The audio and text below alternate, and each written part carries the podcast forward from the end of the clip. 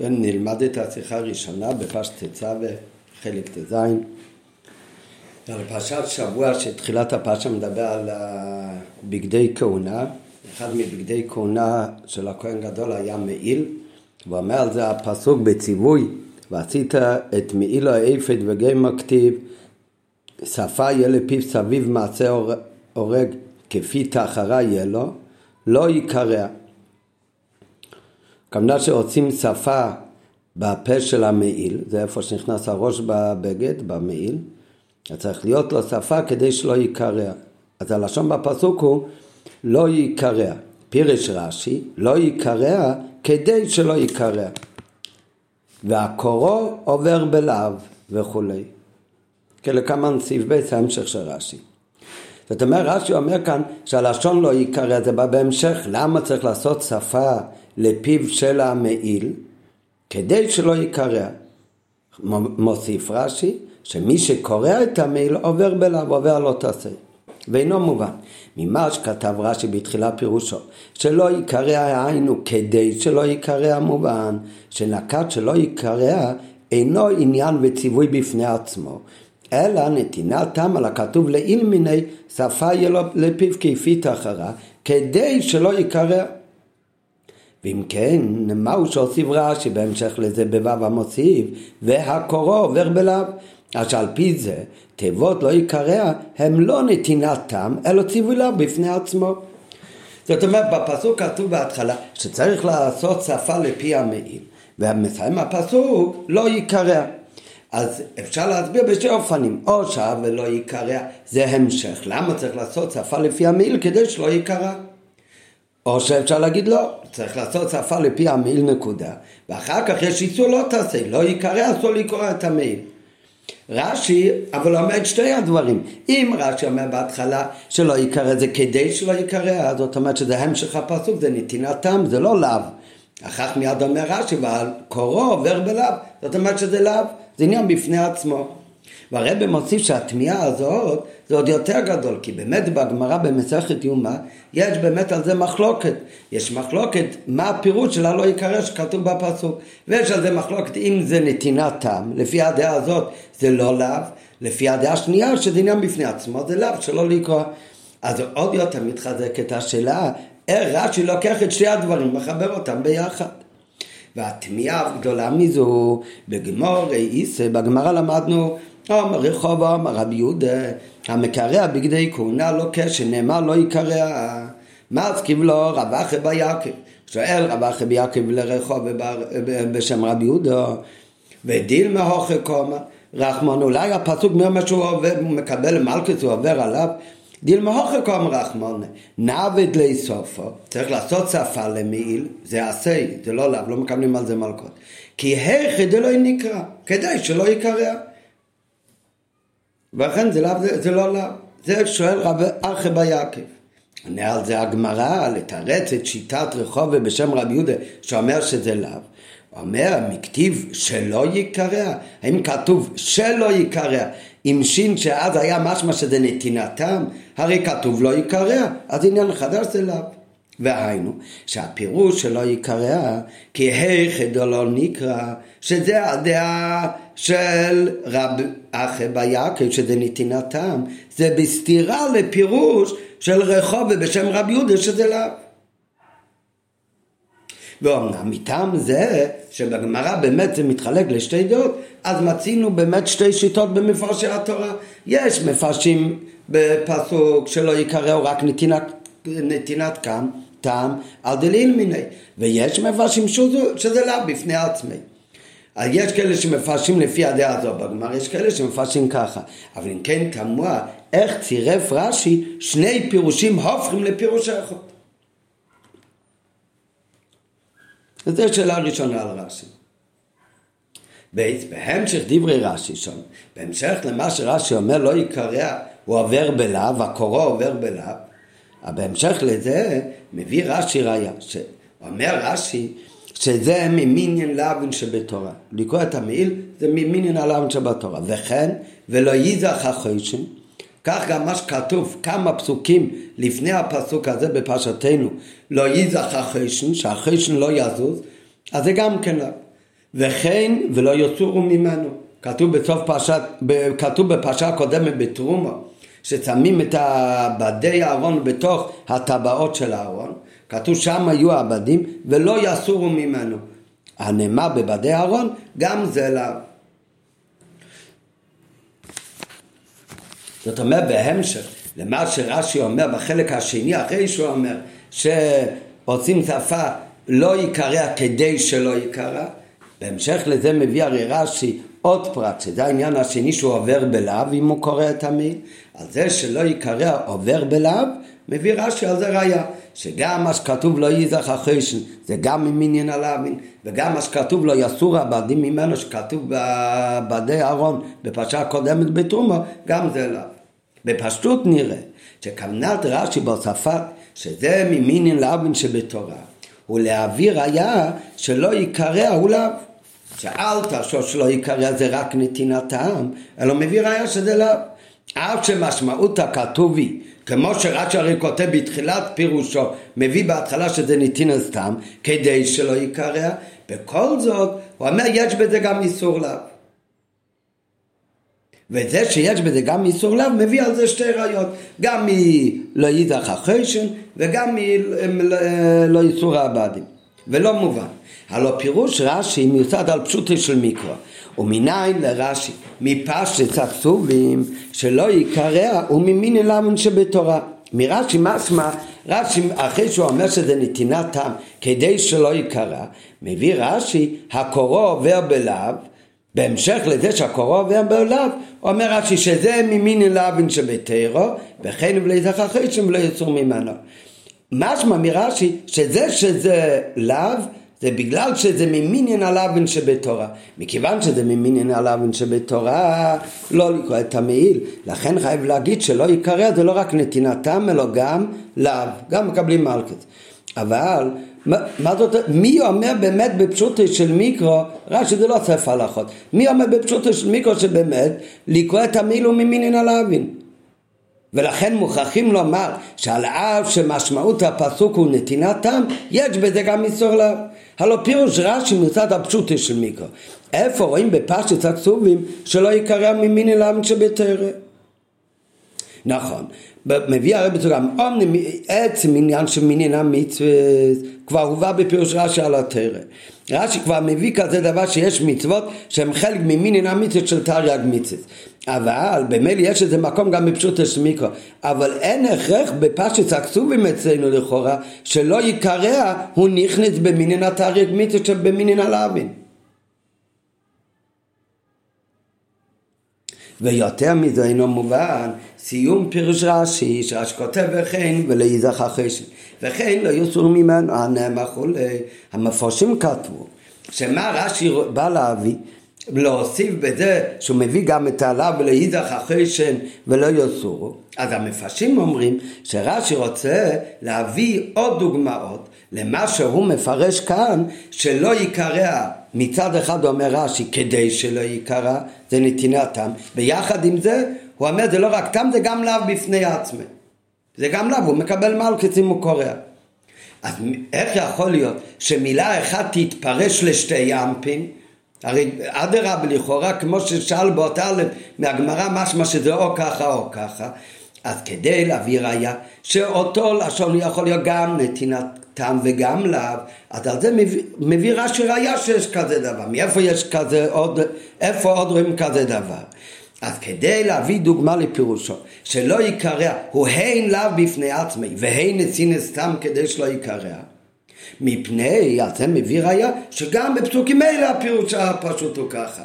גם ולא ייזך וגם לא יסורו, הוא גם בפשוט הפירוש הוא כדי שלא ייזך החושן, צריך לחבר אותו בפציל תכלת ושרשראות את החושן לאפת כדי שלא ייזך, וזה גם לאו שאסור שיזוז החושן. אותו דבר על דרך זה בנוגע לו יסור העבדים, שבטבו יסועורין תשים את העבדים כדי שהם לא יסורו. וזה גם לאו שאסור להסיר את הבדים מן הארון. אז גם שמה, פשוט תשמעי כזה הכוונה כדי שלא יזכו, כדי שלא יסורו, מכל מקום זה גם לאווים בפני עצמי, שנמנים במין הלאווים. אז זה אומרים המפרשים, רש"י רוצה להוסיף במה שהוא מביא וכן נאמר ולא ייזך החשנו ולא יסור העבדים, שזה בא כאילו להיות ראייה שיכול להיות גם אצלנו לא יקורע, שזה גם טעם וגם גם לאו. אבל לא מובן. דבר ראשון נוסף, גם על דוגמאות האלה אפשר לשאול, על דרך הנ"ל סעיף בייס, מאיפה רש"י לומד באמת בפשוטו של מיקרו, שאם באמת ולא ייזך ולא יסור זה נתינתם, אז גם שם מי אומר בפשוטו של מיקרו שזה ממינין לאבן שבתרו. דבר שני, וזה עיקר הקושי, הפסוקים ולא ייזך ולא יסורו, שתי הפסוקים האלה כתובים בתורה לפני הפסוק שלנו שלא יקרע. אז אם באמת יש קושי שאותו פסוק הוא גם נתינת תם וגם לאו, ו- ו- וזה הפירוש בכל השלוש מקומות לפי המפרשים האלה. אז למה רש"י מחכה להגיד את זה רק בפסוק שלנו לא יקרע רש"י צריך להגיד את זה כבר בפעם הראשונה. איפה שכתוב ולא יסורו הבדים שם צריך להגיד שזה גם נתינתם וגם לאו. אחר כך לאידך החשן גם כתוב לפני הפסוק שלנו ששם רש"י, שם רש"י לא אומר כלום. לא בבדי האורן ולא בלאידך החשן אז ממה נפשך? אם זה דבר כל כך מובן מאליו, שזה יכול להיות גם נשיא נסתם וגם ממניין הלהבין, אז אם זה כל כך מובן מאליו שרש"י אפילו לא צריך להגיד את זה לבן חומש למיקרו, אז גם בנגן לענייננו, אז לא צריך להגיד את זה בלא יקורע. ואם באמת יש קושי להגיד שאותו דבר הוא יכול להיות גם משמש כתם וגם כלב, אז למה רש"י מעורר על זה רק בפרשות שלנו? הוא מביא ראיה משתי פסוקים ששם הוא לא אמר, ושם זה לא, לא היה קשה. בפסוקים ולאיזך ולאיסורו לא פירש רש"י על אתר, על המקום שיש בהם ניציניסטם וגם לאו בפני עצמי. אז ממה נפשך? אם ישנו קושי לפרש שלא יקרא ההוא גם תם וגם לאו, אז הרש"י צריך לבאר את זה על התא בפסוקים שם, לא יסור ולא ייזך אמורים קדם לכם. ואם סביר אלה רש"י שאין קושי בפירוש זה, זה לא קשה לומר שדבר הוא גם לסינסתם וגם לה, ואדרבה, זה פירוש פשוט כל כך שאין רש"י צריך לפרש מהומה, כי כן הבן חומש למיקרו יכול להבין את זה מעצמו, אז למה בפסוק שלנו רש"י כן צריך להסביר את זה, שזה גם לסינסתם וגם לה, ועוד להביא ראיות משתי פסוקים אחרים שהיו מקודם, ששם הוא לא הסביר כלום. אז נראה באמת בהמשך השיחה, אז לפי איך שהרבי יסביר זה לגמרי שונה מהמפרשים האלה. לפי הביו בשיחה כאן, אז באמת זה שזה גם לסיניסטם וגם לאו, זה רק אצלנו. וזה לא ובלא יסור הבדים. הפוך לאיזך ולאיסור הבדים, שם זה רק לאו. זה לא לסיניסטם. אצלנו יש סיבה, נראה בהמשך השיח מפשוטו של מיקרו, שצריך לומר שלא יקורע זה נתינת טעם, ואם זה ניסינס טעם לכאורה זה כבר לא עניין שלה, כמו שמשמע בפשוט מהגמרא. אבל בפשוטו של מיקרו, אז על זה הוא אומר שזה בנוסף לזה שזה ניסינס טעם, זה גם עניין שלה. ועל זה הוא מביא ראיה שזה גם עניין שלו כמו לאידך החשן וכמו ליסור הבדים שזה לאו. רק על זה הראייה. נשיא נסתם זה רק אצלנו. ולא יצור הבאנו ולזך החשן זה לא עניין של נשיא נסתם. כמו שנראה בהמשך השיחה. עוד ד' על השאלה הראשונה, תרצו המפרשים. השאלה הראשונה בתחילת השיחה הייתה שבגמרא יש דעה שאומרת שלא יקורע זה, זה לאו. לא על זה. זה הדעה, דעה שרחוב ובשם רבי יהודה. אחר כך יש עוד אופן ללמוד הפסוק, זה מביא רב אחר ביעקב, שאולי זה רק נתינתם. והשאלה הראשונה הייתה, איך רש"י מגיע ומכבד שתי הפירושים ביחד. אז על השאלה הראשונה, תרצו המפרשים, שלפי פשוטה של מיקרו, אז באמת משמע שזה שתי הדברים. למה? כי לפי פשוטה של מיקרו, עולה לכאורה שלא יקרע. אותו דבר לא ייזך ולא יסורו. בפשוטה של מיקרו ממש אם קוראים, אז זה כתוב בהמשך, בפרשת משמע שזה לא ציווי, אלא נתינתם על האמור לעיל מיני. אם התורה אומרת, אתה תקשור את החשן באפת ולא ייזך החשן מעל לב הארון, אז בפשוט מה משמע? שלא ייזך זה המשך, למה צריך לקשור אותו? אז זה נתינתם.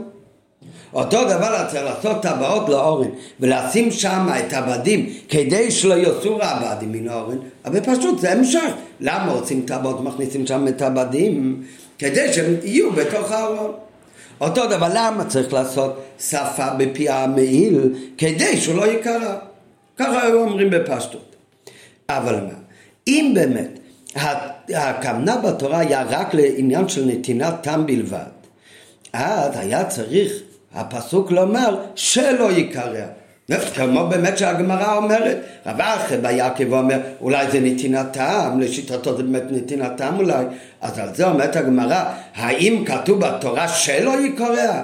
זאת אומרת, אם זה באמת נתינתם, היה צריך להיות שלא ייקרא.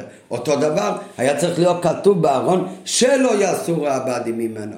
ועל דרך זה בא לא ייזך החשן, לא היה צריך להיות כתוב, החשן, לא היה צריך להיות כתוב ולא ייזך, אלא שלא ייזך החשן.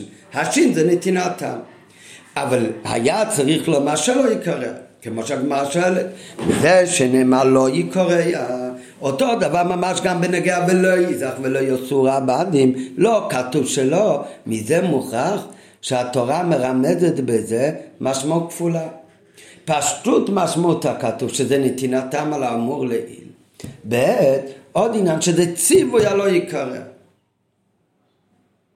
אז לכן, בינתיים אנחנו עוד לא מבדילים בין לא ייזך ולא יסור לבין המי. בינתיים, בפסוק, מהמשך הפסוק שאתה קורא את הפסוק, אז בזה בשלוש המקומות משמע שזה ניסי נסתר. אבל בכל השלוש מקומות כתוב לא יקורא ולא החשן ולא יסורו ולא כתוב אנשים שלא יקורא וקדמה אז זה עצמו הוכחה שזה באמת לא עניין של נתינתם אלא זה עניין של ציווי רק מה, מהמשך הפוסק הרי משמע שזה ניצין סתם, אז יש כאן משמעות כפולה.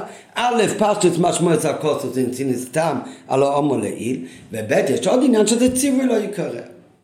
רק עדיין קשה, אם זה באמת הפירוש, אז למה רש"י אומר את זה רק בפסוק שלנו? למה הוא לא מעורר את זה לעיל ולא יסור ולא יזך? ועל זה בא הביור בעשי, בא הביור בזה, על דרך הפשט יש לפרש שבאמת לא יסורו ולא יזך, זה אינו נתינתם, שם זה רק ציווי. זה רק ציווי ולא בפני עצמי.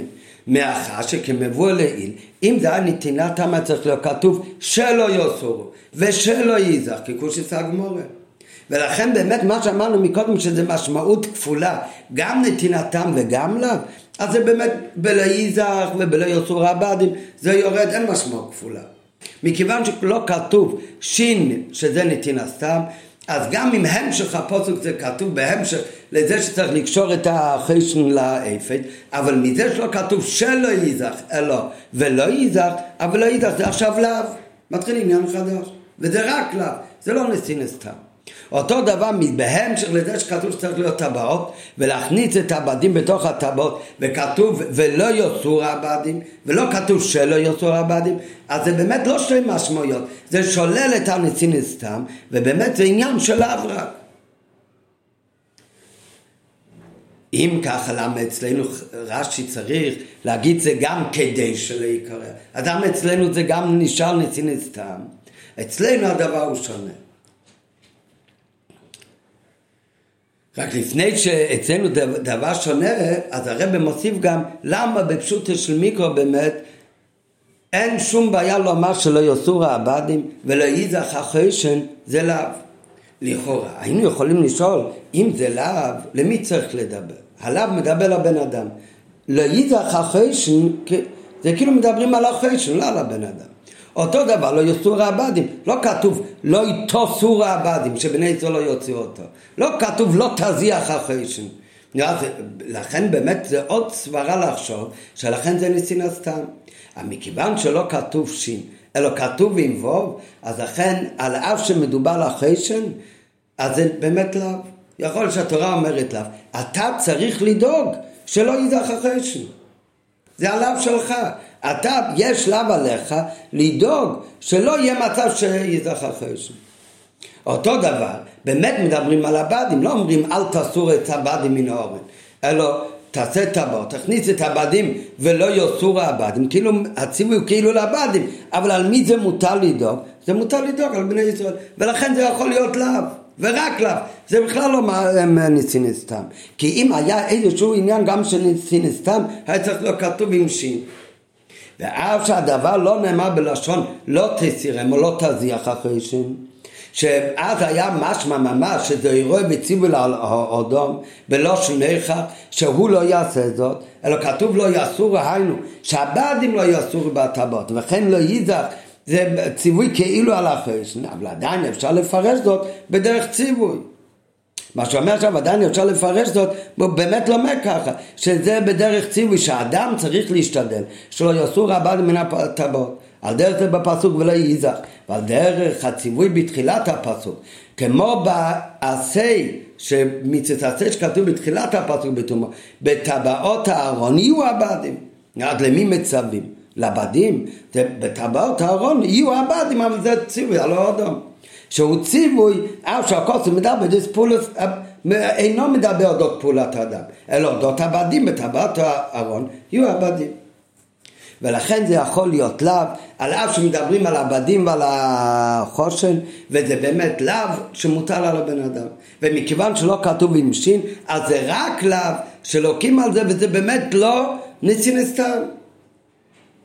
כשמגיע אבל הפסוק שלנו, כשמגיע שלא, שכתוב אצלנו, שפה תהיה לו לא ייקרע, אז גם כאן לא כתוב שין. אז לכאורה זה רק ציווי, זה רק לאו שאסור לקרוע את המעיל, ותשביק דקדיש כמו שנראה בהמשך. כאן אומר רש"י לא, לא ייקרע, לכן רש"י מתעורר רק בפרשה שלנו. בפסוקים הקודמים, רש"י לא הזכיר כלום. כי מכיוון שלא כתוב שין, אז פשיטי שאין כאן סין סתם, זה רק לאו. אז רש"י לא צריך להגיד כלום. כשמגיע בפסוק שלנו, בפסוק שלנו יש סיבה מיוחדת שלכן רש"י צריך להתחיל שעל אף שלא כתוב שין, שלא ייקרע, בכל זאת מוכרחים לומר שזה נתינת טעם. מה שונה בפסוק שלנו מלא ייזך ולא ייסור העבדים. אז על זה יש שינוי בכתוב דידן שבו נאמר לא ייקרע קוף קמוצה וריש צרויה זה בניין נפעל נקרא בדקדוק. לא כתוב לא ייקרע המיל לא יקרע המיל כתוב לא ייקורע לא ייקורע זה כמו אפשר להגיד לא תעשה מלאכה, לא יעשה מלאכה ולא יעשה. יעשה הכוונה לא יעשה מעצמו אפילו. כן? זה, בשום אופן זה לא, לא, לא, לא יכול לקרות. אותו דבר גם כאן, כתוב לא יקורע, שהדגש כאן הוא יותר מ... אם זה רק לאו, יותר מלאו רגיל.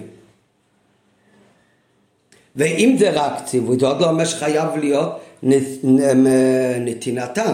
יכול להיות עדיין שיש בזה לא. אבל אם כותבים את הלאו בלשון ולא יקורע, אז זה בא להדגיש שזה לא יקורע בשום פנים ואופן. אפילו לא מעצמו כאילו, מה כמובן לא מעצמו? אז מביא על זה דוגמה, שכתוב לא יעשה מלאכה. ביונטה, בפרשת בו, אז מה זה ולא יעשה? לא יעשה מעצמו, הבן אדם עושה מלאכה.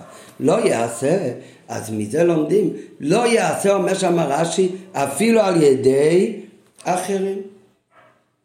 שלא רק לך אסור לעשות מלאכה ביונטב, מהמלאכות שאסור לעשות, אלא לא יעשה, לא יעשה בשום אופן, אפילו לא על ידי אחרים.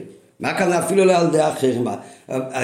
על ידי גוי, זה לא כתוב כאן בשיחה, זה צריך פשוט להבין את הפירוש הפשוט ברש"ם, לא יצא על ידי אחרים, מי זה אחרים? על גוי, אז האיסור אמיר אל גוי מלוכה זה מדרבנו, זה לא הכוונה כאן. כאן הכוונה לא יעשה, זה על ידי יהודי אחר. היהודי אחר, הוא הרי בכל מקרה לא יכול לעשות, כי גם הוא באיסור. אז יש בזה שתי פירושים, או שהכוונה על ידי אחרים זה על ידי קטן, שהוא מצד עצמו עוד לא מחויב, אבל יש איסור על הגודל שיעשה על ידי האחרים על ידי הקטן, ועוד אפשרות שבאמת יש כאלה שלומדים שהכוונה על ידי האחרים על ידי יהודי אחר, ובנוסף לזה שההוא יעבור עבירה, אז גם אתה תעבור עוד עבירה. כי לא יעשה, אם אתה אומר למישהו אחר לעשות, תובע לא יהיה עושה. בכל אופן, איך שלא יהיה הפירוש, או על ידי קטן או על ידי מישהו אחר, יעשה לשון כזה, לא לא יעשה מלוכה, או לא תעשה מלוכה. אבל לשון לא יעשה, הכוונה בשום אופן אסור שזה יעשה, אפילו לא על ידי אחרים. כתוב לא ייזך החשן, לא יוסור העבדים, אבל הלשון לא יקורע, יקורע זה משמע לשון יותר חזקה, שאפילו מעצמו זה לא יכול לקרוא. לא, זה יכול להיות עדיין עניין של איסור, אבל אז היינו צריכים להגיד כמו בלא יהיה עושה, שמה זה בא להגיד שאפילו על ידי אחרים, אז לא יקורע, זה גם כן אפילו לא על ידי אחרים, ולשון כזה כתוב רק בלא יקורע של המעיל. נו אז מה, אז בלייזח החשן שלא כתוב. כזה לשון, לא יזוח החשן, ולא יסור עבדים שגם לא כתוב כזה לשון כמו לא יקורע. אז מה שמה זה כן מותר על ידי אחרים? אז זה לא יכול להיות. הרי זה בטוח שגם להסיר את הבדים מאורן על ידי אחרים על ידי קוטן גם כן אסור. ואם אותו דבר לא ייזך אחרי שלא אכפת לי באיזה אופן, אסור בכלל שיהיה איזשהו מצב שייזך אחרי שמעלי וארן. אז אם ככה, אז מה התוספת לא יקורא שכתוב במייל? כאן זה לא יכול להיות הכוונה שאפילו על ידי האחרים זה אסור. כי גם שאר הדברים של אידך אחרי יצור הבן, גם שם לא כתוב כזה לשון. ובכל זאת מובן מעצמי, שכמו שזה אסור שבכלל יהיה, אם אסור, ואולי באמת מכיוון שהלשון הרי לא על הבן אדם, אלא על הבדים. ועל החשן, אז לא אכפת לי באיזה אופן זה נעשה. אז זאת אומרת, אסור כבר בכל מקרה כולל על ידי האחרים. אז אם ככה, מה זה כאן הלשון? לא יקורע. מעצמי כאילו. ומה זה בא להוסיף כאן? ולכן אומר רש"י, בגלל שינוי הלשון כאן, לא בגלל המשך הפוסק, אלא בגלל שינוי הלושן, שכתוב כאן לא יקורע, אז סימן שזה גם עניין של נתינתם. אלא שיש שינוי בכוסף דידן, שבו נאמר לא יקורע בקוף כמו צברי או בין ניפל, ולכן אם אמנם זהו ציווי כמו ולא יזך ולא יסורו, צריך להיות בציווי לא יקרע שינוי והוספה יותר מבציוויים אחרים. כמו שרש"י אומר על כל המלאכה לא ייעשה בהם, אז אומר רש"י אפילו על ידי אחרים. לפי זה נמצא שבציוויים של לייזך ולא יסורו ובעוד כמה אזהרות במשכן וכלב אין איסור בנעשה על ידי האחרים וזה דבר שלא מתקבל על דרך הפשט. אלא על דרך הפשט בוודאי גם שם זה עשו על ידי האחרים. אז אם כך מה בא להוסיף? הלשון כאן לא שלא ייקרא לו שלא יקורע שינוי הלושן בפה לכן פירש רש"י שאצלנו שינוי הלשון בפסוק מורה שיש כאן נתינתם מפני שאין הדבר דומה בלשון ללא יסור ולא יזרח נו, אז אם ככה, אז אדרבה, נו, אז נגיד שלא יסורו ולא יזהר, זה לאו, רק לאו, כמו שאמר מקודם, אין משמעות כפולה. אז אם ככה, אז אולי באמת נגיד אצלנו שלא יקורע, בגלל הלשון יקורע, אז באמת הפירוש בפסוק כאן זה רק נתינתן, בדיוק הפוך. אז על זה הוא מוסיף מיד, זה גם לא יכול להיות, כמו שהגמרא אומרת, כי אם ככה הרי היה צריך להיות כתוב שלא יקורע, אבל מיחס שלא נאמר שלא יקורע, אלא כתוב לא יקורע, אז מזה מוכרח שיש גם עניין של ציווי ולאו בפני עצמי, הוא כנראה ציב ד'. ואז יוצא באמת שזה לא דומה בלא ייזך ובלא יוצאו רבד, זה רק עניין שלו. אצלנו, אז יש שתי עניינים. מצד אחד לא כתוב שלא יקורע, בזה זה דומה לא יסור ולא יזהר, ולכן זה באמת גם אצלנו לא. כי אם זה היה רק נשיא נשיא, מה צריך לא כתוב שלא יקרע. מזה שלא כתוב שלא יקרע, אז זה באמת לאו, בדיוק כמו שמה. מצד שני, מה זה השינוי הלושן שלא יקורע ולא שלא יקרע? אז זה בא להגיד שבנוסף ללאו זה גם עניין של נשיא נסתם. אז אצלנו זה באמת בפשוטו של מיקרו כולל שתי דברים.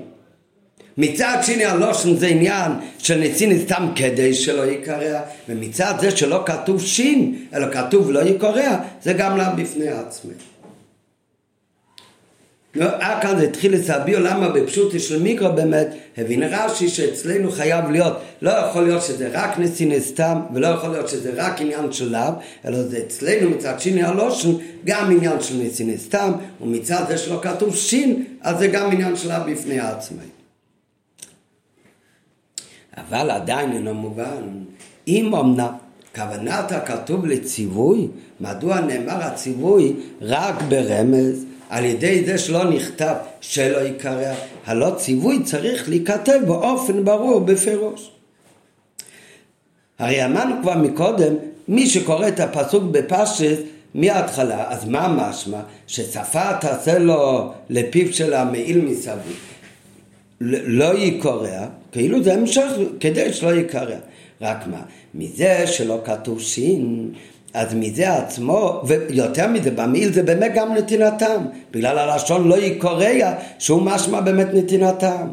שכתוצאה מזה שתעשה לו את השפה, אז לא יהיה מצב שהוא ייקרא. זה ניסים סתם. רק מה, בגלל ההדר עוד שין, אני מבין שזה גם עניין של לאו. אם התורה רוצה להגיד לאו, שתגיד לאו בפני במפורש. צריך להגיד לכאורה בלושן של ציווי. למה באמת שונה עליו אצלנו מכל האבן שבתרא? ליטיגני וליטיגני, שכתוב במפורש, אתה אל תעשה ככה. וכאן כתוב לא יקורע, בהמשך לפי צפו תהיה שזה באמת מצוות עשה, אבל בהמשך לזה כתוב לשון שכל כולו משמע נציניסתם, רק מהדר האישין, אני מבין שהוא גם לאו. ועל זה ממשיך רש"י, שזה ממין אלבן שבתרא, ועל זה הוא מביא ראיה, מלא ייזך ומלא יוסור עבדים. גם שם לא כל כך ברור, כמו שנראה בהמשך. ועל כן ממשיך רש"י, שזה ממין אלבן שבתורה. מה בא רש"י בזה להגיד שזה ממין אלבן שבתורה? זה שיש משמעות בתיבות לא יקרא גם לה, כמו שלמדנו מקודם. שמזה שלא כתוב שלא יקרא אלא לא יקרא, מזה משמע שזה גם לאו. אינו כדי להשמיענו כאן את עצם האיסור לקרוא את המעיל. אם זה היה המקור הראשון, או מכאן אני יודע שיש איסור לקרוא המעיל, אז באמת כמו שהוא אומר, למה שהתורה תכתוב את זה ברמז מזה שהיא משמיטה את השין ומזה אני צריך להבין שזה לאו, שיגיד לאו מפורש כמו ברוב הלאווים בטרם. אלא, זה אומר הרבי שכאן זה שאסור לקרוא את המילה, אני כבר יודע בכל מקרה. זאת יודעים אנו כבר ממוקם אחר. מאיפה באמת אנחנו יודעים? כדי לכמה נראה אחר כך. זאת אומרת, עצם עניין שאסור לקרוא את המילה, אנחנו כבר מודעים לזה. אלא מה? זה שזה אסור, זה עוד הפך להיות איסור שהוא לאו וממינין עליו אין שבטרם. ואצלנו הלא יקורע הוא סך הכל כדי להכליל אותו גם במינין עליו אין שבטרם. אלא כדי שהאיסור ממין אליו. כוונת כתוב כאן היא לכלול את האיסור הידוע, כאילו שידוע לנו כבר שאסור לקרוא, לקרוא את המיל. עכשיו התורה באה להכליל את זה גם בחשבון של שס"ה לא יססה. ולכן מוכרחת להיות כאן גם משמעות שלה. אבל עניין זה דבר שאנחנו כבר יודעים בכל מקרה שהוא אסור. רק אני רוצה להכליל אותו גם במינין הלווין, אז זה לא כזה נורא שזה לא כתוב במפורש, אלא בלשון שרק בדרך שאני אבין את זה מזה שלא כתוב שלי. אז זה יכול לרקוץ גם ברמז בלבד. מאיפה באמת אנחנו כבר יודעים את עצם האיסור של קריס המעיל? אז בפשוט של מיקרו אפשר להבין את זה בפרשת, כשהתורה אומר כבר מקודם, והוציא איסור בגדי קדש לכובד ולציפורס. נו, הרי כל ילד מבין שאם הבגד קרוע הוא כבר לא יהיה לכובד ולציפורס. ברגע קרוע אינו לכבוד ולתפארת. אבל מזה כבר אפשר להבין שיש איסור לקרוא את הבגדי קדש, כל בגדי כהונה. אז למה במעיל התורה צריכה לכתוב לא יקורא, אומר רש"י, זה לתת על זה גם לאו מפורש. שעל ידי זה הופך להיות ממינים ששם את ישראל יססה. זאת אומרת, אם המקור לאיסו לקרוא את המיל, זה היה המקור, אז באמת עליו היה צריך להיות כתוב בצורה מפורשת. לא תקרא את המיל. וכייצא בזה, מכיוון שבכל מקרה אני כבר יודע. ויש כאן בפסוק כתוב לא יקורא זה ניסין סתם רק ביחד עם זה, מזה שלא כתוב שלא יקורא, אז מזה אני מבין שזה גם לאו. אבל מה הכוונה אני מבין שזה גם לאו? אני מבין שיש איסור לקרוא את זה, אני כבר ידעתי מקודם. אני מזה מבין שהתורה רוצה להכליל את זה גם במניין הלאווין שבתרא. אלא מה? זה גוף היסוד הזה שאמרנו הרגע, שאם זה היה מוקר לאיסור, אז, אז באמת היה קשה למה לא כתוב בצורה מפורשת, אלא ברמז עליו. אבל כאן מכיוון שזה איסור הידוע מכבר, ולכן, אז כזה דבר, זה באמת אפשר גם לכתוב רק כדי שיהיה ממינן הלאמן שבטרם, זה ההדגשה כאן של רש"י. שכל העניין שכתוב כאן לא רק בתור ניסין סתם, אלא שזה כתוב גם בלא שין כדי להגיד את עליו, זה לא בגלל לא שמיע לנו את האיסור, אלא כדי להכליל את זה במינן הלאמן שבטרם. על זה של הרבי שיש כמה פעמים בתורה, שיש לאו שחוזר על עצמו. והתורה ורש"י מביא גם בפשוטו של מיקרו כמה פעמים כדי לעבר אולוב בלהבין הרבה וזה עדיין גם הלהבין הנוספים כדי לעבר אולוב בלהבין הרבה לא כתובים בדרך רמז אלא בצורה מפורשת את הלאו לכאורה ניתן לשאול על ביו זה הלא מצינו בכמה מקומות שהתורה מוסיפה לאו, לאו ולאו בשני לאווין, וכייצא בזה. ואף על פי כן כתובים כל הלאווין בסגנון של ציווי. ואם כן, אף כאן לכאורה היה צריך להיכתב ציווי מפורש שאסור לקרוא את המילים. אף שלא בא כתוב אלו להשמיענו שאיסור זה הוא לא רק תוצאה מקודת ותפארת אלא גם לאו. גם אם זה רק בשביל מינין לאמן שבטרם שכתוב במפורש.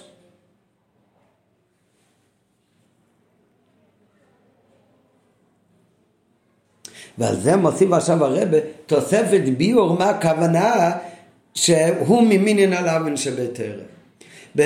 ברוב, בכל המקומות שהתורה אומרת על דבר אחד לאו ועוד לאו ורש"י אומר כדי להעביר או לא, אבל להבין הרבה, על שני להבין. בכל המקומות האלה, מה באמת המטרה? שהתרא אומרת עוד הפעם לאו, כדי להדגיש את חומרס עליו. שזה כזה איסור חמור שהוא עובר עליו לא רק בלאו אחד אלא בשתי לאווין, או בלאווין הרבה. וזה הכוונה כאן, כשרש"י אומר, וזה הכוונה כאן, שרש"י אומר שזה ממינין הלאווין, הכוונה זה שכתוב כאן לא יקורע, זה לא כדי להרבות בחומרת האיסור. זה נשאר אותו חומרת האיסור. אלא כל העניין הוא רק כדי שזה לא יהיה רק תוצאה מעשה של כובד ולתפארת, אלא יהיה גם ממינין הלאווין. אם זה היה כדי להגדיל את חומרת העבירה, אז באמת זה לא יכול להיות כתוב בדרך של רמז, אלא לאו צריך להיות כתוב במפורש. שכתוב עוד הפעם לאו מפורש, זה כדי להעביר לו בשתי לאו ולהדגיש את חמר, את, להוסיף על חמר הויסו. אצלנו זה באמת כתוב רק בצורה כזאת שלא יקורע, שזה בכלל נסי סתם רק לא כתוב שלא יקורע, זה גם במינין הלאווין. מה הכוונה כאן? זה באמת לא בא להוסיף בחומרס או איסו. אם זה בא להוסיף בחומרס או איסו, אז היה צריך להיות כתוב עליו בצורה מפורשת. אלא זה בא סך הכל להכליל אותו במינין הלאווין.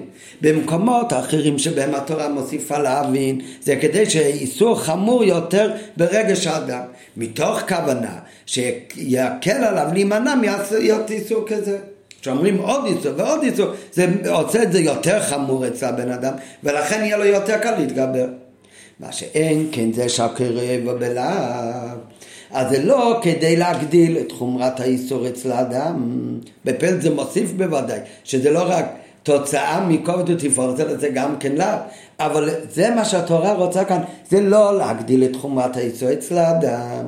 מאיפה באמת אנחנו יודעים את זה? כי אם זה היה המטרה, הרי היה צריך להיות כתוב איסור מפורש, אל תיקרו את המעיל.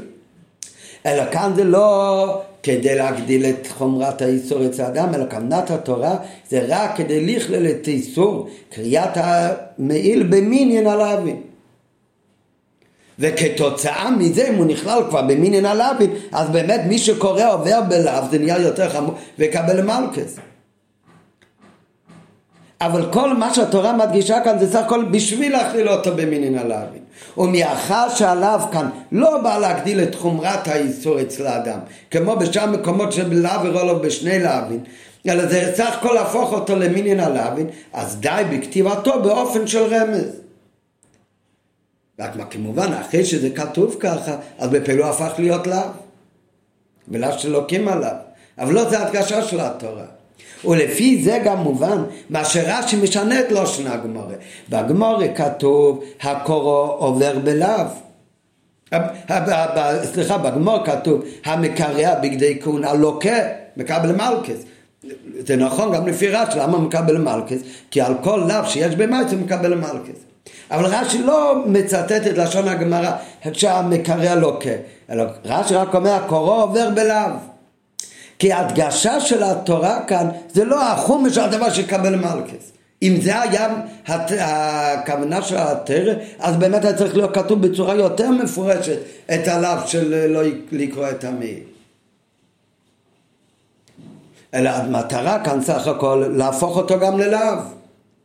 כתוצאה מזה שהוא הפך להיות לאו, מקבלים גם מלכס. אבל ההדגשה בלושן רש"י זה לא על חי מהחטא של קריאת המעיל, על זה שחייבים על זה מלכס. אלא אדרבה, הוא בא להגיד שעלי קוריאה כבר ידעתי שאסור לעשות את זה. כל ש... זה שהתורה אומרת את זה כאן בלשון כזה, זה שיהיה גם השמוש שלה. רק כתוצאה מזה שזה לאו, אז זה רק תוצאה, והחום זה רק תוצאה מזה שהאיסור הוא ממין אליו שבטר.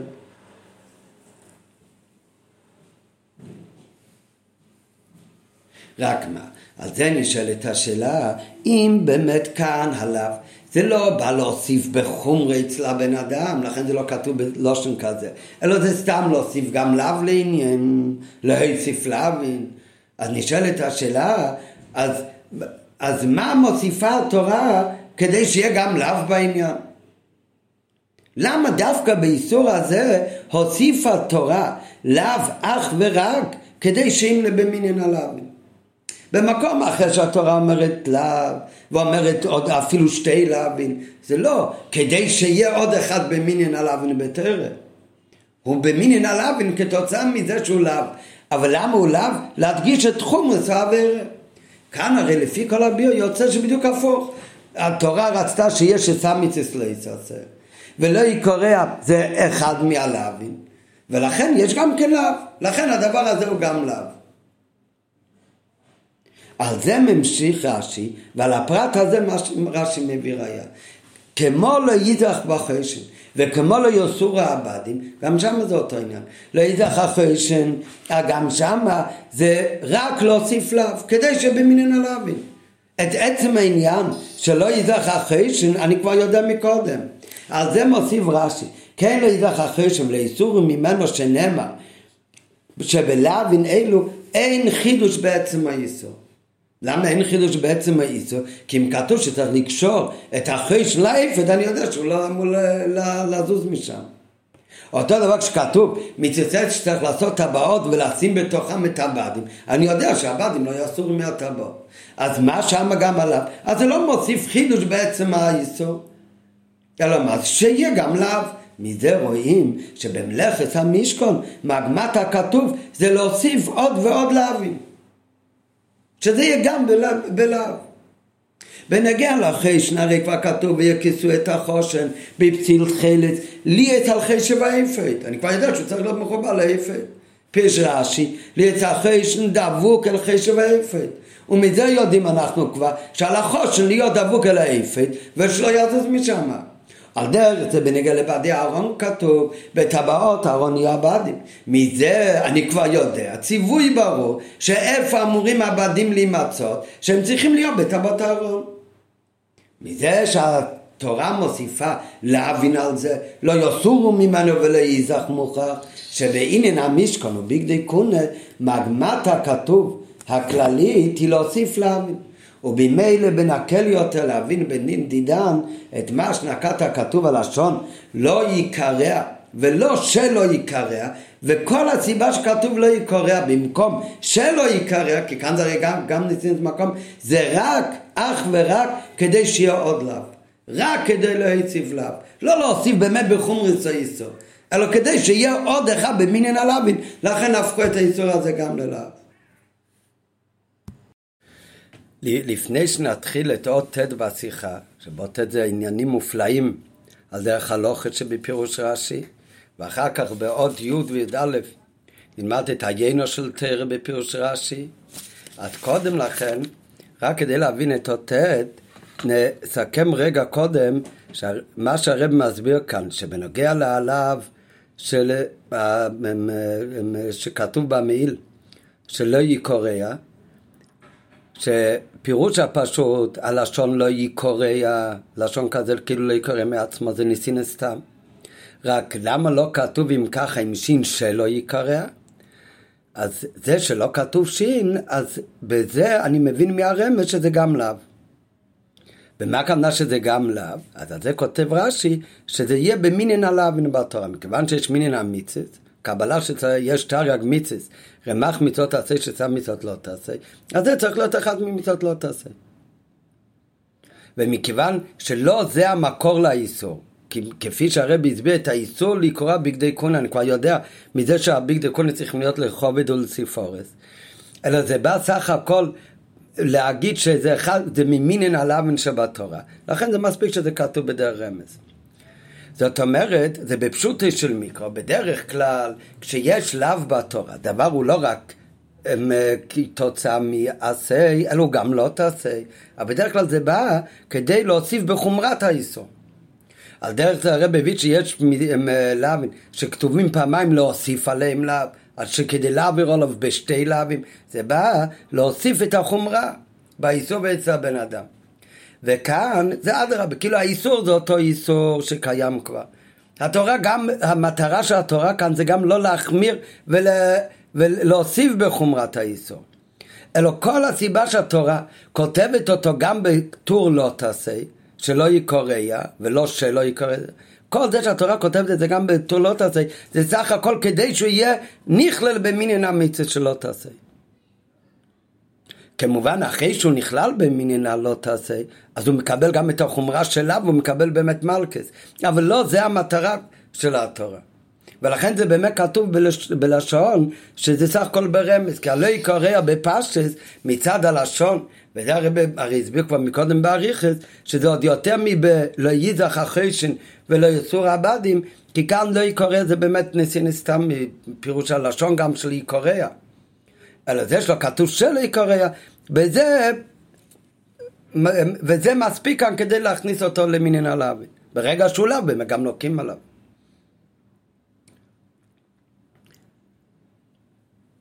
באור הרב אומר שאחרי שרש"י אומר שזה הפירוש בלא יקרא, אז יכול להיות שזה גם ככה בנוגע לאיזך החשם וגם כן בלא יסור העבדים. שגם אחרי שזה הפירוש בלא יקרא, אז גם שם יכול להיות שזה גם ניסין סתם, ואז גם שמה, כל זה שזה כתוב בלאו זה גם כן, שלא כתוב שין זה רק כדי להכליל אותו במינין הלאווין. זה, זה הרב אומר בהערה 38. אבל בכל אופן, מה שיוצא לנו מכל האריכות הזאת, שהתורה כותבת מנסב לקובדול ציפורס, ושלמיל יהיה סופו. בנוסף לזה כתוב לקוריאה, זה לא בא להוסיף משהו באיסור, אלא זה סך הכל בא כדי שהוא יהיה במינן המיצס בלהבין. אבל לא להגדיל את האיסור. אז על פי זה עכשיו, אנחנו נבין שיש בזה חידוש גדול. איך שנבין את האיסור הזה לפי רש"י, לבין איך שזה מובא ברמב"ם. נגיד קודם בעל פה, אחר כך נראה בפנים בשיחה. הרמב"ם אומר שכל מי שקורא אחד מביגדי כהונה הוא עובר עליו, לא רק על עשי. זה היה בפירוש רש"י בפשוט השמיקרו וכובד וסיפורס. הרמב"ם אומר שהוא עובר עליו. זה בכלל לא מובא ברש"י. איזה לאו הוא עובר? כל מי שקורא כל אחד מבגדי קונה. הוא עובר עליו שלא תעשו כן להשם אלוקיכם. כתוב בפרשת ראה, בני ישראל ייכנסו לארץ ישראל, יראו מזבחות של אבי דזורי, צריך לנתץ אותם. לא תעשו כן להשם אלוקיכם. למזבח של הקודש ברוך הוא, או ביס המקדוש, כל דובר שבקדוש אסור לנתץ. אז גם בגדי קונה, מי שקורא אותם, אז הוא עובר על תעשו כן להשם אלוקיכם. אומר הרמב"ם ככה, כל מי שקורא אחד מכל בגדי כהונו, הוא עובר עליו. שלא תעשו כן להשם אלוקיכם. במה דברים אמורים? כשהוא קורא אותם דרך השחתה. במטרה להשחית את העניין, שזה הלאו שלא תעשו כן להשם אלוקיכם. לעומת זאת, מי שקורא את המעיל מבין בגדי כהן גודל, וקורא את המעיל, אז הוא עובר עליו שלא יקורא. ועל זה הוא לא אומר שזה דרך השחתה. אומרים המפרשים שמכיוון שבמעיל יש לאו מפורש, זאת אומרת זה לא מספיק הלאו שכולל את העיסוק בכל בגדי קונה, כתוצאה מליטסנו כן השם אלוקיכם לפי הרמב"ם. אז במעיל יש לאו מיוחד שלא יקורא, אז זה בא להוסיף שזה לא משנה באיזה אופן תמיד הוא עובר. זאת אומרת, לפי הרמב"ם יוצא, שהלא ייקרא שכתוב בפסוק שלנו, הוא בא אכן כן להוסיף בחומרס איסר. עובדה שבכל שאר הבגדי קונה, שאין את האיסור שלא יקורע, אז שמה הוא עובר רק כשקרע דרך השחוסה, מה שאין כן במעיל יש תוספת חומרה, שבכל איפן הוא עובר על עליו. לפי כל הביול שלמדנו מקודם בפירוש רש"י, אז אם נשאל מה יצא לפי רש"י, רש"י בא להסביר פשוטו של מיקרו כמובן, אבל אם אנחנו עכשיו נשאל מה יצא לפי רש"י להלוכה, האם יכול להיות חומרה יתרה ביסוד של קריאס פי מעיל לעומת שאר המקרה בשער בגדי אבל לפי רש"י בפשוט לא. כי כל זה הרי הדגשה בפירוש רש"י, שמה שכתוב להיקרא זה רק כדי להכליל אותו במינין הלאווין.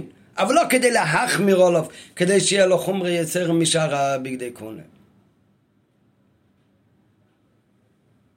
נראה עכשיו בפנים. עניונים מופלאים על דרך הלוך בפירוש רש"י זה. פסק הרמב"ם שהקורא פי מי לא יקרא, שנאמר לא יקרא. והוא הדין לכל בגדי קונה. שהקוראן דרך השחתה, כאן הוא מוסיף דרך השחתה לא כן. מפשטות לשון הרמב"ם נמצא שיש חילוק בין לשאר בגדי כהונה. בשאר בגדי כהונה לוקה רק הקוראן דרך השחתה, אבל הקורא פי המעיל הוא לוקה בכל אופן. כתבו האחרונים, בביאו דעת הרמב"ם, שחיוב המלכוס לקרוא הכל בגדי כהונה הוא מצד לאו שלא תעשו כן. ולאו זה הוא רק בדרך השחתה. מה שאין כן במעיל, שהחיוב מלכות הוא מצד הלאו שלא ייקרע, או בלאו זה חייבים מלכות בכל עניין. זאת אומרת לפי הרם, כמובן זה הכל לפי אותם, זה לא לדעת כל המפרשים שבאמת יש כאן הבדל בדרך השחוסת, זה הכל מה שלומדים עכשיו, זה לפי אותם מפרשים שאומרים, מדייקים בזה שבשער בגודם הרמב"ם מביא דרך השחוסה, מה שאין במיל הוא לא כותב דרך השחוסה, אז הם לומדים שהרמב"ם מבדיל ביניהם. ולמה הוא באמת מבדיל? ולכן הם אומרים שבמיל יש את הלב של העיקריה, מה שאין כן בשעה בגדי קונה זה נכלל בלא תעשם כן להשם אלוהיכם. כמו שראינו בפנים. אבל על כל פנים יוצא מזה, לפי הביע הזה, שהלב שלו יקרא הוא בא באמת להוסיף חומרה. הוא לא בא להוסיף חומרה לשיטרם עד שעה בידי קונה. אבל לפי שיטס רש"י, בפשוט הכתובים, הרי למדנו מקודם שהוסיף הכתוב את הלאו שלא יקרא, לא על מנת להוסיף איסור חדש. או כמו שאמרנו להוסיף בחומרת האישור, אלא כדי לכוללו במינין הלאווין שבתורה. ולפי זה נמצא שלשיטת רש"י בפירושה לתורה אין חילוק באופן הקריאה בין המעיל לשאר בגדי קונה. לכן לשיטת רש"י, אז לא יכול להיות שיש הבדל וחומרי יסר בכיס המעיל לעומת שאר בגדי קונה. שבשעה בגדיקוני לא כתוב לא יקרא, אבל גם אסור לקרוא אותם בפשוט השמיקו, בגלל שכתוב לחובד ולציפורס. או לפי, גם אם נגיד, אולי גם מצד הלאו של יתעשם כן להשם אלוקיכם. זה לא נוגע כל כך. העיקר זה שהלא יקרא במעיל, אין לו חומרי יסרה. ובכולם צריך להיות האיסור שווה. מעניין שבשיחה הרב אומר רק שלשיטת רש"י לא יכול להיות הבדל בחומרת האיסור. אז זה לא אומר שבכולם הוא עובר רק אם זה דרך השחוסה, או יכול להיות גם בצורה שנייה, שבכולם הוא עובר גם אם זה לא יהיה דרך השחוסה. אז בהערה 45, אז מצוין שבפשטיס, לשיטת רש"י מה יצא? שבאמת אין הבדל, אין חומרי יצר מצד עליו שלא ייקרע, ולכן האיסור הוא צריך להיות בכל בגדי קונה אותו דבר, ולכן בכולם הם עוברים ובכולם הוא עובר על האיסור מתי? רק אם זה דרך השחוסה, אדרבה, בכולם הוא עובר את האיסור, גם אם זה לא דרך השחתה. למה באמת? כי בפשוט, הרי רש"י מביא לא יתעשם כן להשם אלוהיכם. בפשוטו של מיקרו, מאיפה רואים? יודעים שגם שעה בגדי כהונה, וגם המעיל הייתי יודע, גם מלולי הפסוק שלא יקורא. מאיפה הייתי יודע שיש איסור לקרוא הכל בגדי כהונה? אז הבאנו מקודם בשיחה, מצד שהבגדים צריכים להיות לחוב דולציפורס. בגדים קרועים הם לא יכולים להיות בגדר לחוב דולציפורס. ועוצו בגדי קדש לכל דולציפורס. אז אסור לעשות אותם באופן אחר. אז אסור לקרוא בגדי כהונה. הבערה הוא אומר, כדי שהם לא יהיו לכובד ולציפורס, זה לא נוגע אם זה בדרך השחוס או לא דרך השחוס. ברגע שהבגד הוא קרוע, באותו רגע הוא כבר לא לכובד ולציפורס. כל קריאה, באיזה אופן שהוא, זה כבר הפך לכובד ולציפורס. ולכן בכולם יש את אותו איסור. גם אם זה לא דרך השחוסה. לא משנה לי למה הוא קורע ובאיזה אופן הוא קורע. עצם הדבר שהוא קרע את הבגד עובר לאיסור. רק בשעה בגדיקון אה, בפשוט יש מיקרו, זה יכול להיות שזה רק מצד הסלח, עבדול ציפורס, זה לא לאו. והמעיל הוא עובר גם עליו, שלא יקורע. אבל אין בזה חומרי יצר על השאר. ובכולם הוא עובר באותו צורה. מה זה באותו צורה? באותו צורה, זה לא הכוונה, בכולם הוא עובר רק אם זה דרך השחוס, אלא אדרבה. בכולם הוא עובר על האיסור, גם אם זה לא דרך השחוס. זה באותו. עכשיו באותיות נלמד את הפירוש רש"י זה, איך זה, זה לפי היינו של תרא בפירוש רש"י. שלכאורה אינו מובן בפנימיות העניינים. די אפשר לשאול, כל פעם בפנימיות העניינים. מדוע הביא רש"י ראיה מן הפסוק ולא ייזך שכתוב בפרשתנו לפני הראיה מהפסוק לא יסורו שנאמר בפרשה הקודם כתוב כבר בפרשת תרומה רש"י מביא שהתורה באה להוסיף להבין בעניינים של בית המקדוש ובגדי כהונה ויותר מזה, לא רק להוסיף להבין, אלא לפעמים התוספת שעליו הוא לא בשביל להוסיף בחומרה, אלא עצם העניין רק כדי שיהיה עוד לאו במינין הלאווין, כמו שלמדנו. אז מביא על זה רש"י ראיה משתי מקומות. מביא ולייזח אחרי שני, אף על פי שאני ידעתי כבר בכל מקרה שאסור להזיז אותו מהיפת. ומביא עוד ראיה מלא יסור העבדים מהארון. בתרא איפה כתוב לא יסור העבדים מן הארון? זה בפרשת תרומו, שבוע שעבר. איפה כתוב לאיזך החשן? כמה פסוקים לפנינו, בפרשת תצווה. אז זה לפי הסדר, רש"י צריך להביא קודם, וכן הוא אם לא יסור העבדים, שכתוב קודם בתורה, ואחר כך לא יזכר חשן. בפל רש"י, כשמביא את הראיות, הוא מביא קודם את הראיה של לא יזכר חשן, ואחר כך מה שכתוב בפרש קודמת, לא יסור העבדים. ואוהית קושם, מה לשון? מפני מה רש"י מוסיף, וכן לא יסור. זה הרי אותו ראיה. וכן הוא אימה לאיזך החשן וליוסור הבדים. מזה הוא אומר, וכן הוא אימה לאיזך החשן וכן הוא אימה ליוסור הבדים. כשהוא מבדיל ביניהם זה הכוונה, זה ראייה אחת וזה מוסיף עוד עניין. מזה מובן שעליו שלא יוסורו הוא חידוש נוסף וגדול יותר מעליו שלא ייזך. ולכן הביא רש"י קודם ולא ייזך. זה חידוש אחד, שזה כתוב רק בשביל עליו. ואחר כך ומטעם זה מוסיף רש"י עוד הפעם וכן וכן, עכשיו חידוש עוד יותר גדול, שאפילו בבדים, גם שם זה כתוב כדי להיות לאו. למה זה באמת יותר חידוש? ולמה, ולכן באמת כתוב קודם לא ייזר, שזה פחות חידוש, ואחר כך, וכן הוא אימה עוד יותר חידוש, גם בבדי האורן. הביר בזה, הלאו שלא ייקרע אינו חידוש גדול. שהרי דבר מובן הוא שאסור לקלקל בגדי כהונה. בכלל זה שיש שלב שלא לקרוא בגדי כהונה, כולל גם המעיל, זה לא חידוש כל כך גדול. זה דבר מובן שאסור לקלקל בגדי כהונה. כמובן עכשיו דבר מובן זה לא רק מצד ה... שכתוב לחוב בדול ציפורס. גם לולא הכל בדול ציפורס, אז בשכל אפשר להבין שיש איסור לקלקל בגדי כהונה. זה ביזיון לאמלה הקדושה. אחריו מוסיף רש"י, וכן להיזכר חשן. הזזת החושן מעל האפת, הרי זה לא דבר הוא לא מקלקל שום דבר, לא באפת ולא בחשן. אין בכך קלקול. נכון, יש מצווה ססי, שצריך לחבר ושיהיה דבוק אחרי שנה כמו שלמדנו מקודם. אבל שיהיה לאו על זה שייזך אחרי שנה אפת, אז זה חידוש יותר גדול. שאפילו שאין בזה שום מינים של קלקול, גם בזה הקפיד יותר שזה לא יהיה רק בעשה, אלא שיהיה גם לאו. שלא ייזך אחרי שנה. רק מה, גם איסור זה עדיין ניתן להבנה.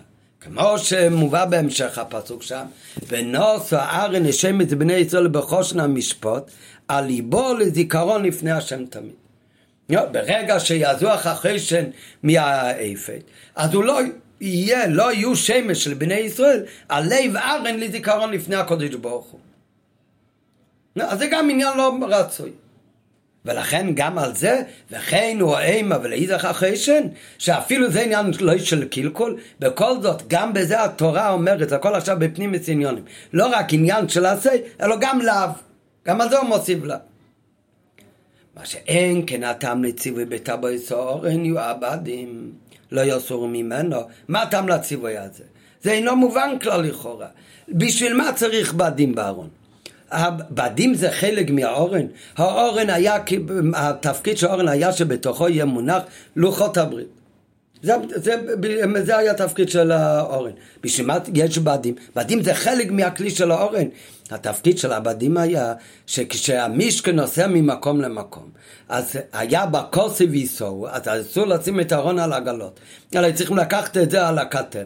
אז בשביל זה היה צריך להיות בדים. אז לכן מתי אמור להיות הבדים באורן? הבדים אמורים להיות באורן כשנוסעים ממוקם למוקם. וזה בתאבויס אורן יהיו הבדים. שצריך להיות תמיד הבדים בתוך אורן. ועוד להוסיף על זה לאו, שלא יסורו ממנו, זה בכלל דבר שלא הגיוני. בשביל מה באמת כל כך חשוב שיהיה כל הזמן בעבדים בתוך אורן? ולא יסורו שאפילו רגע אחד יוצאים מהבדים מאורן, הוא כבר עובר עליו. אז זה כבר חידוש עוד יותר גדול. וזה הסדר שרש"י מביא מקודם, הוא מביא על הפוסק שלנו, שלא לא יקורא זה לאו. שזה לא רק תוצאה מלכובד ולציפורס, אלא התרא הוסיף על זה גם שיהיה במינין הלאווין, אבל זה עוד אפשר להבין, שהתרא רוצה שיהיה לאו לקלקל את בגדי כהונה. על זה מוסיף אחר כך, וכן הוא האם החידוש יותר גדול. עניין לא של קלקול, אבל לא שמי בני ישראל לפני השם לזיכרון תמיד. אז גם זה עניין, לא רק שצריך להיות דבוק באפת ועל לב הארן, אלא גם כן עניין של לאו. על זה מוסיף רש"י, רק במקום שישי החידוש הכי גדול, באמת מהפרשה הקודמת, שלא יעשו רעבדים. דבר שמצד צריך זה בכלל לא מובן. הטעם נציבה בטבויס אורן יהיה בדים לאסור ממנו, זה לא מובן כלל לכם. בדי אורן נעשו על מנת שאפשר יהיה לשאת את האור ממקום למקום. אם כן, לשם מה צריכים הבדים להיות בטבעות האורון? תמיד. וברגע שלא יהיה שם, אז הוא לא עבר רק על המצססי, שבתוך הטבעות יהיו הבדים, אלא לא יסורו ממנו. אדרבה, בפרשס ראוי היה שהכנסת הבדים בטבויס תיעשה רק כאשר יש צורך לצאת את הארון. זה הרי בכלל לא חלק מהאורן לחרב. וזה מה שכוסף רש"י שניס. וכן לא יסורו ממנו, מוסיף וכן, עניין חודש, חידוש עוד יותר גדול. וכן לא יסור ממנו נאמה בבדי האורן, אף שיצא את הבד מן הטרבוי סילב, השוב וממש ללאו דקרץ וקלקול בבגדי כול. אומר רש"י, תדע לך, הלאו הזה של להוציא את הבדי מן האורן, זה לאו באויסוי אויפן, וכן הוא אומר, באותו אופן הלאו הזה הוא חמור, בדיוק כמו הלאו של לא יקורע של המיל. כמו לא יקרא במעיל, זה לאו, וכל אחד מבין שזה לאו זה עניין של קלקול. על דרך זה הבדים צריכים להיות באורן, על אף שזה רק בשביל שנוסע ממקום למוקם. ברגע שמסירים את בדים מן אורן, לרגע אחד גם שלא בשעת הנסיעה. אז זה נחשב, וכן הוא אומר, זה לאו כמו קלקול של בגדי כהונה. מה באמת הטעם? למה זה אותו דבר? למה זה כל כך חמור? זה באיסו יפן כמו של קלקול של המיל. מה אכן הטעם שלא יסורו ממנו? בעוד י"ד מבוא בזה בספר החינוך שנצטווינו לבעל נסיר בדי ארון ממנו פן יהיה צריכים לצאת עם הארון לשום מקום במהירות ואולי מתוך התידה והחיפזון לא נבדוק יפה להיות עבדים חזקים כל הצורך וכולי, ויצטרכו להתעכב. אבל בהיותם בו מוכנים לאילום, ולא יסורו ממנו, יעשה אותן חזקות וכולי. אומר החינוך, מה באמת הטעם של המצווה הזאת ושל הלאו הזה? אם באמת היו מכניסים את העבדים רק לפני המסע, לא, אז לא היו עושים את ה... אז כל זמן שאהרון היה בקדש קודש, הוא יהיה בלי עבדים. יקבלו הוראה צריך לנסוע, אז עכשיו ילכו לחפש בדים, יביאו בדים לשים באורן. לא, לפעמים יגיע הזמן שצריך לנסוע למסע הבא בעתירה ברגע האחרון, מרגע לרגע. לא, אז עכשיו איפה ימצאו בדים? ייקחו בדים והם אולי לא יהיו מספיק חזקים. אז יתעכבו ולא יוכלו לשאת. לכן אומרת התרא שיעשו פעם אחת בדים לאורן, והבדים האלה יהיו באורן תמיד ואף פעם אסור להוציא אותם. לא, אבל כמובן יעשו לכתחילה בדים כאלה חזקים, כדי שיהיה אפשר לשאת את האורן, שבכלל על פי טבע זה דרך אגב, אני מזכיר, על פי טבע, האורן הרי היה עשוי אורן מזהב, ציפוי זוב, שלוש ארונות, על פי טבע, לפי משקל של זהב שהיה אורן והכרובים, אז זה כמה טונות של זהב, הרי זהב זה המתכת עם המשקל הכי כבד. יש הרב אלי לנדו מבני ברק כתב על זה פעם חשבון שלם, כמה זה יוצא במשקל כל הזהב שהיה באורן, על פי טבע זה בכלל אי אפשר להרים את זה. וזה פשוט גם הנט שהיה שהארן נוסס נסוף. בכל אופן, אבל הרי עשו את הבדים לא ססס אורן. אז אומרת, אומר החינוך, כדי שלא יהיה מצב שפתאום יצטרכו לנסוע ולא יהיה בדים באורן וילכו להביא בדים, והבדים האלה לאו דווקא שיהיו מספיק חזקים, לעשות אורן. לכן אמרה התרא שצריך להיות תמיד שם הבדים, וכאן אנחנו רואים לא רק בתור עשה אלא גם בלאו, שלא יסורו ממנו הבדים, כדי שתמיד יעשו אותם חזקים מאוד, וזה יהיו הבדים לאלו עובד בתוך האורם, וזה נהיה חלק מהאורם. מה זה אומר בעבודת השם? מזה הוראה נפלאה בעבודת השם. מה הארון מסמל את התורה? בתוך הארון היו מונחות הלוחות, שזה עניין התרא בלושנה חינוך, הארון זה משכן התורה. משכן התורה. אותו דבר יהודי שלומד תורה, אז הוא בבחינת ארון. הוא משכן התורה. כמו שכתוב בתניא, יהודי לומד תורה, נעשה ייחוד נפלא בינו לבין הקודש ברוך הוא, כמו בקדש קודשים. אז היהודי שלומד תורה, הוא משכן התורה, הוא ארון הקודש. אז יהודי יכול להגיד בליבו, בזמן שצריך להקדיש ללימוד תורה, בפרט אם הוא כזה אחד שהוא תורתו אומנותו, אז עליו להיות נתון לגמרי ללימוד התורה.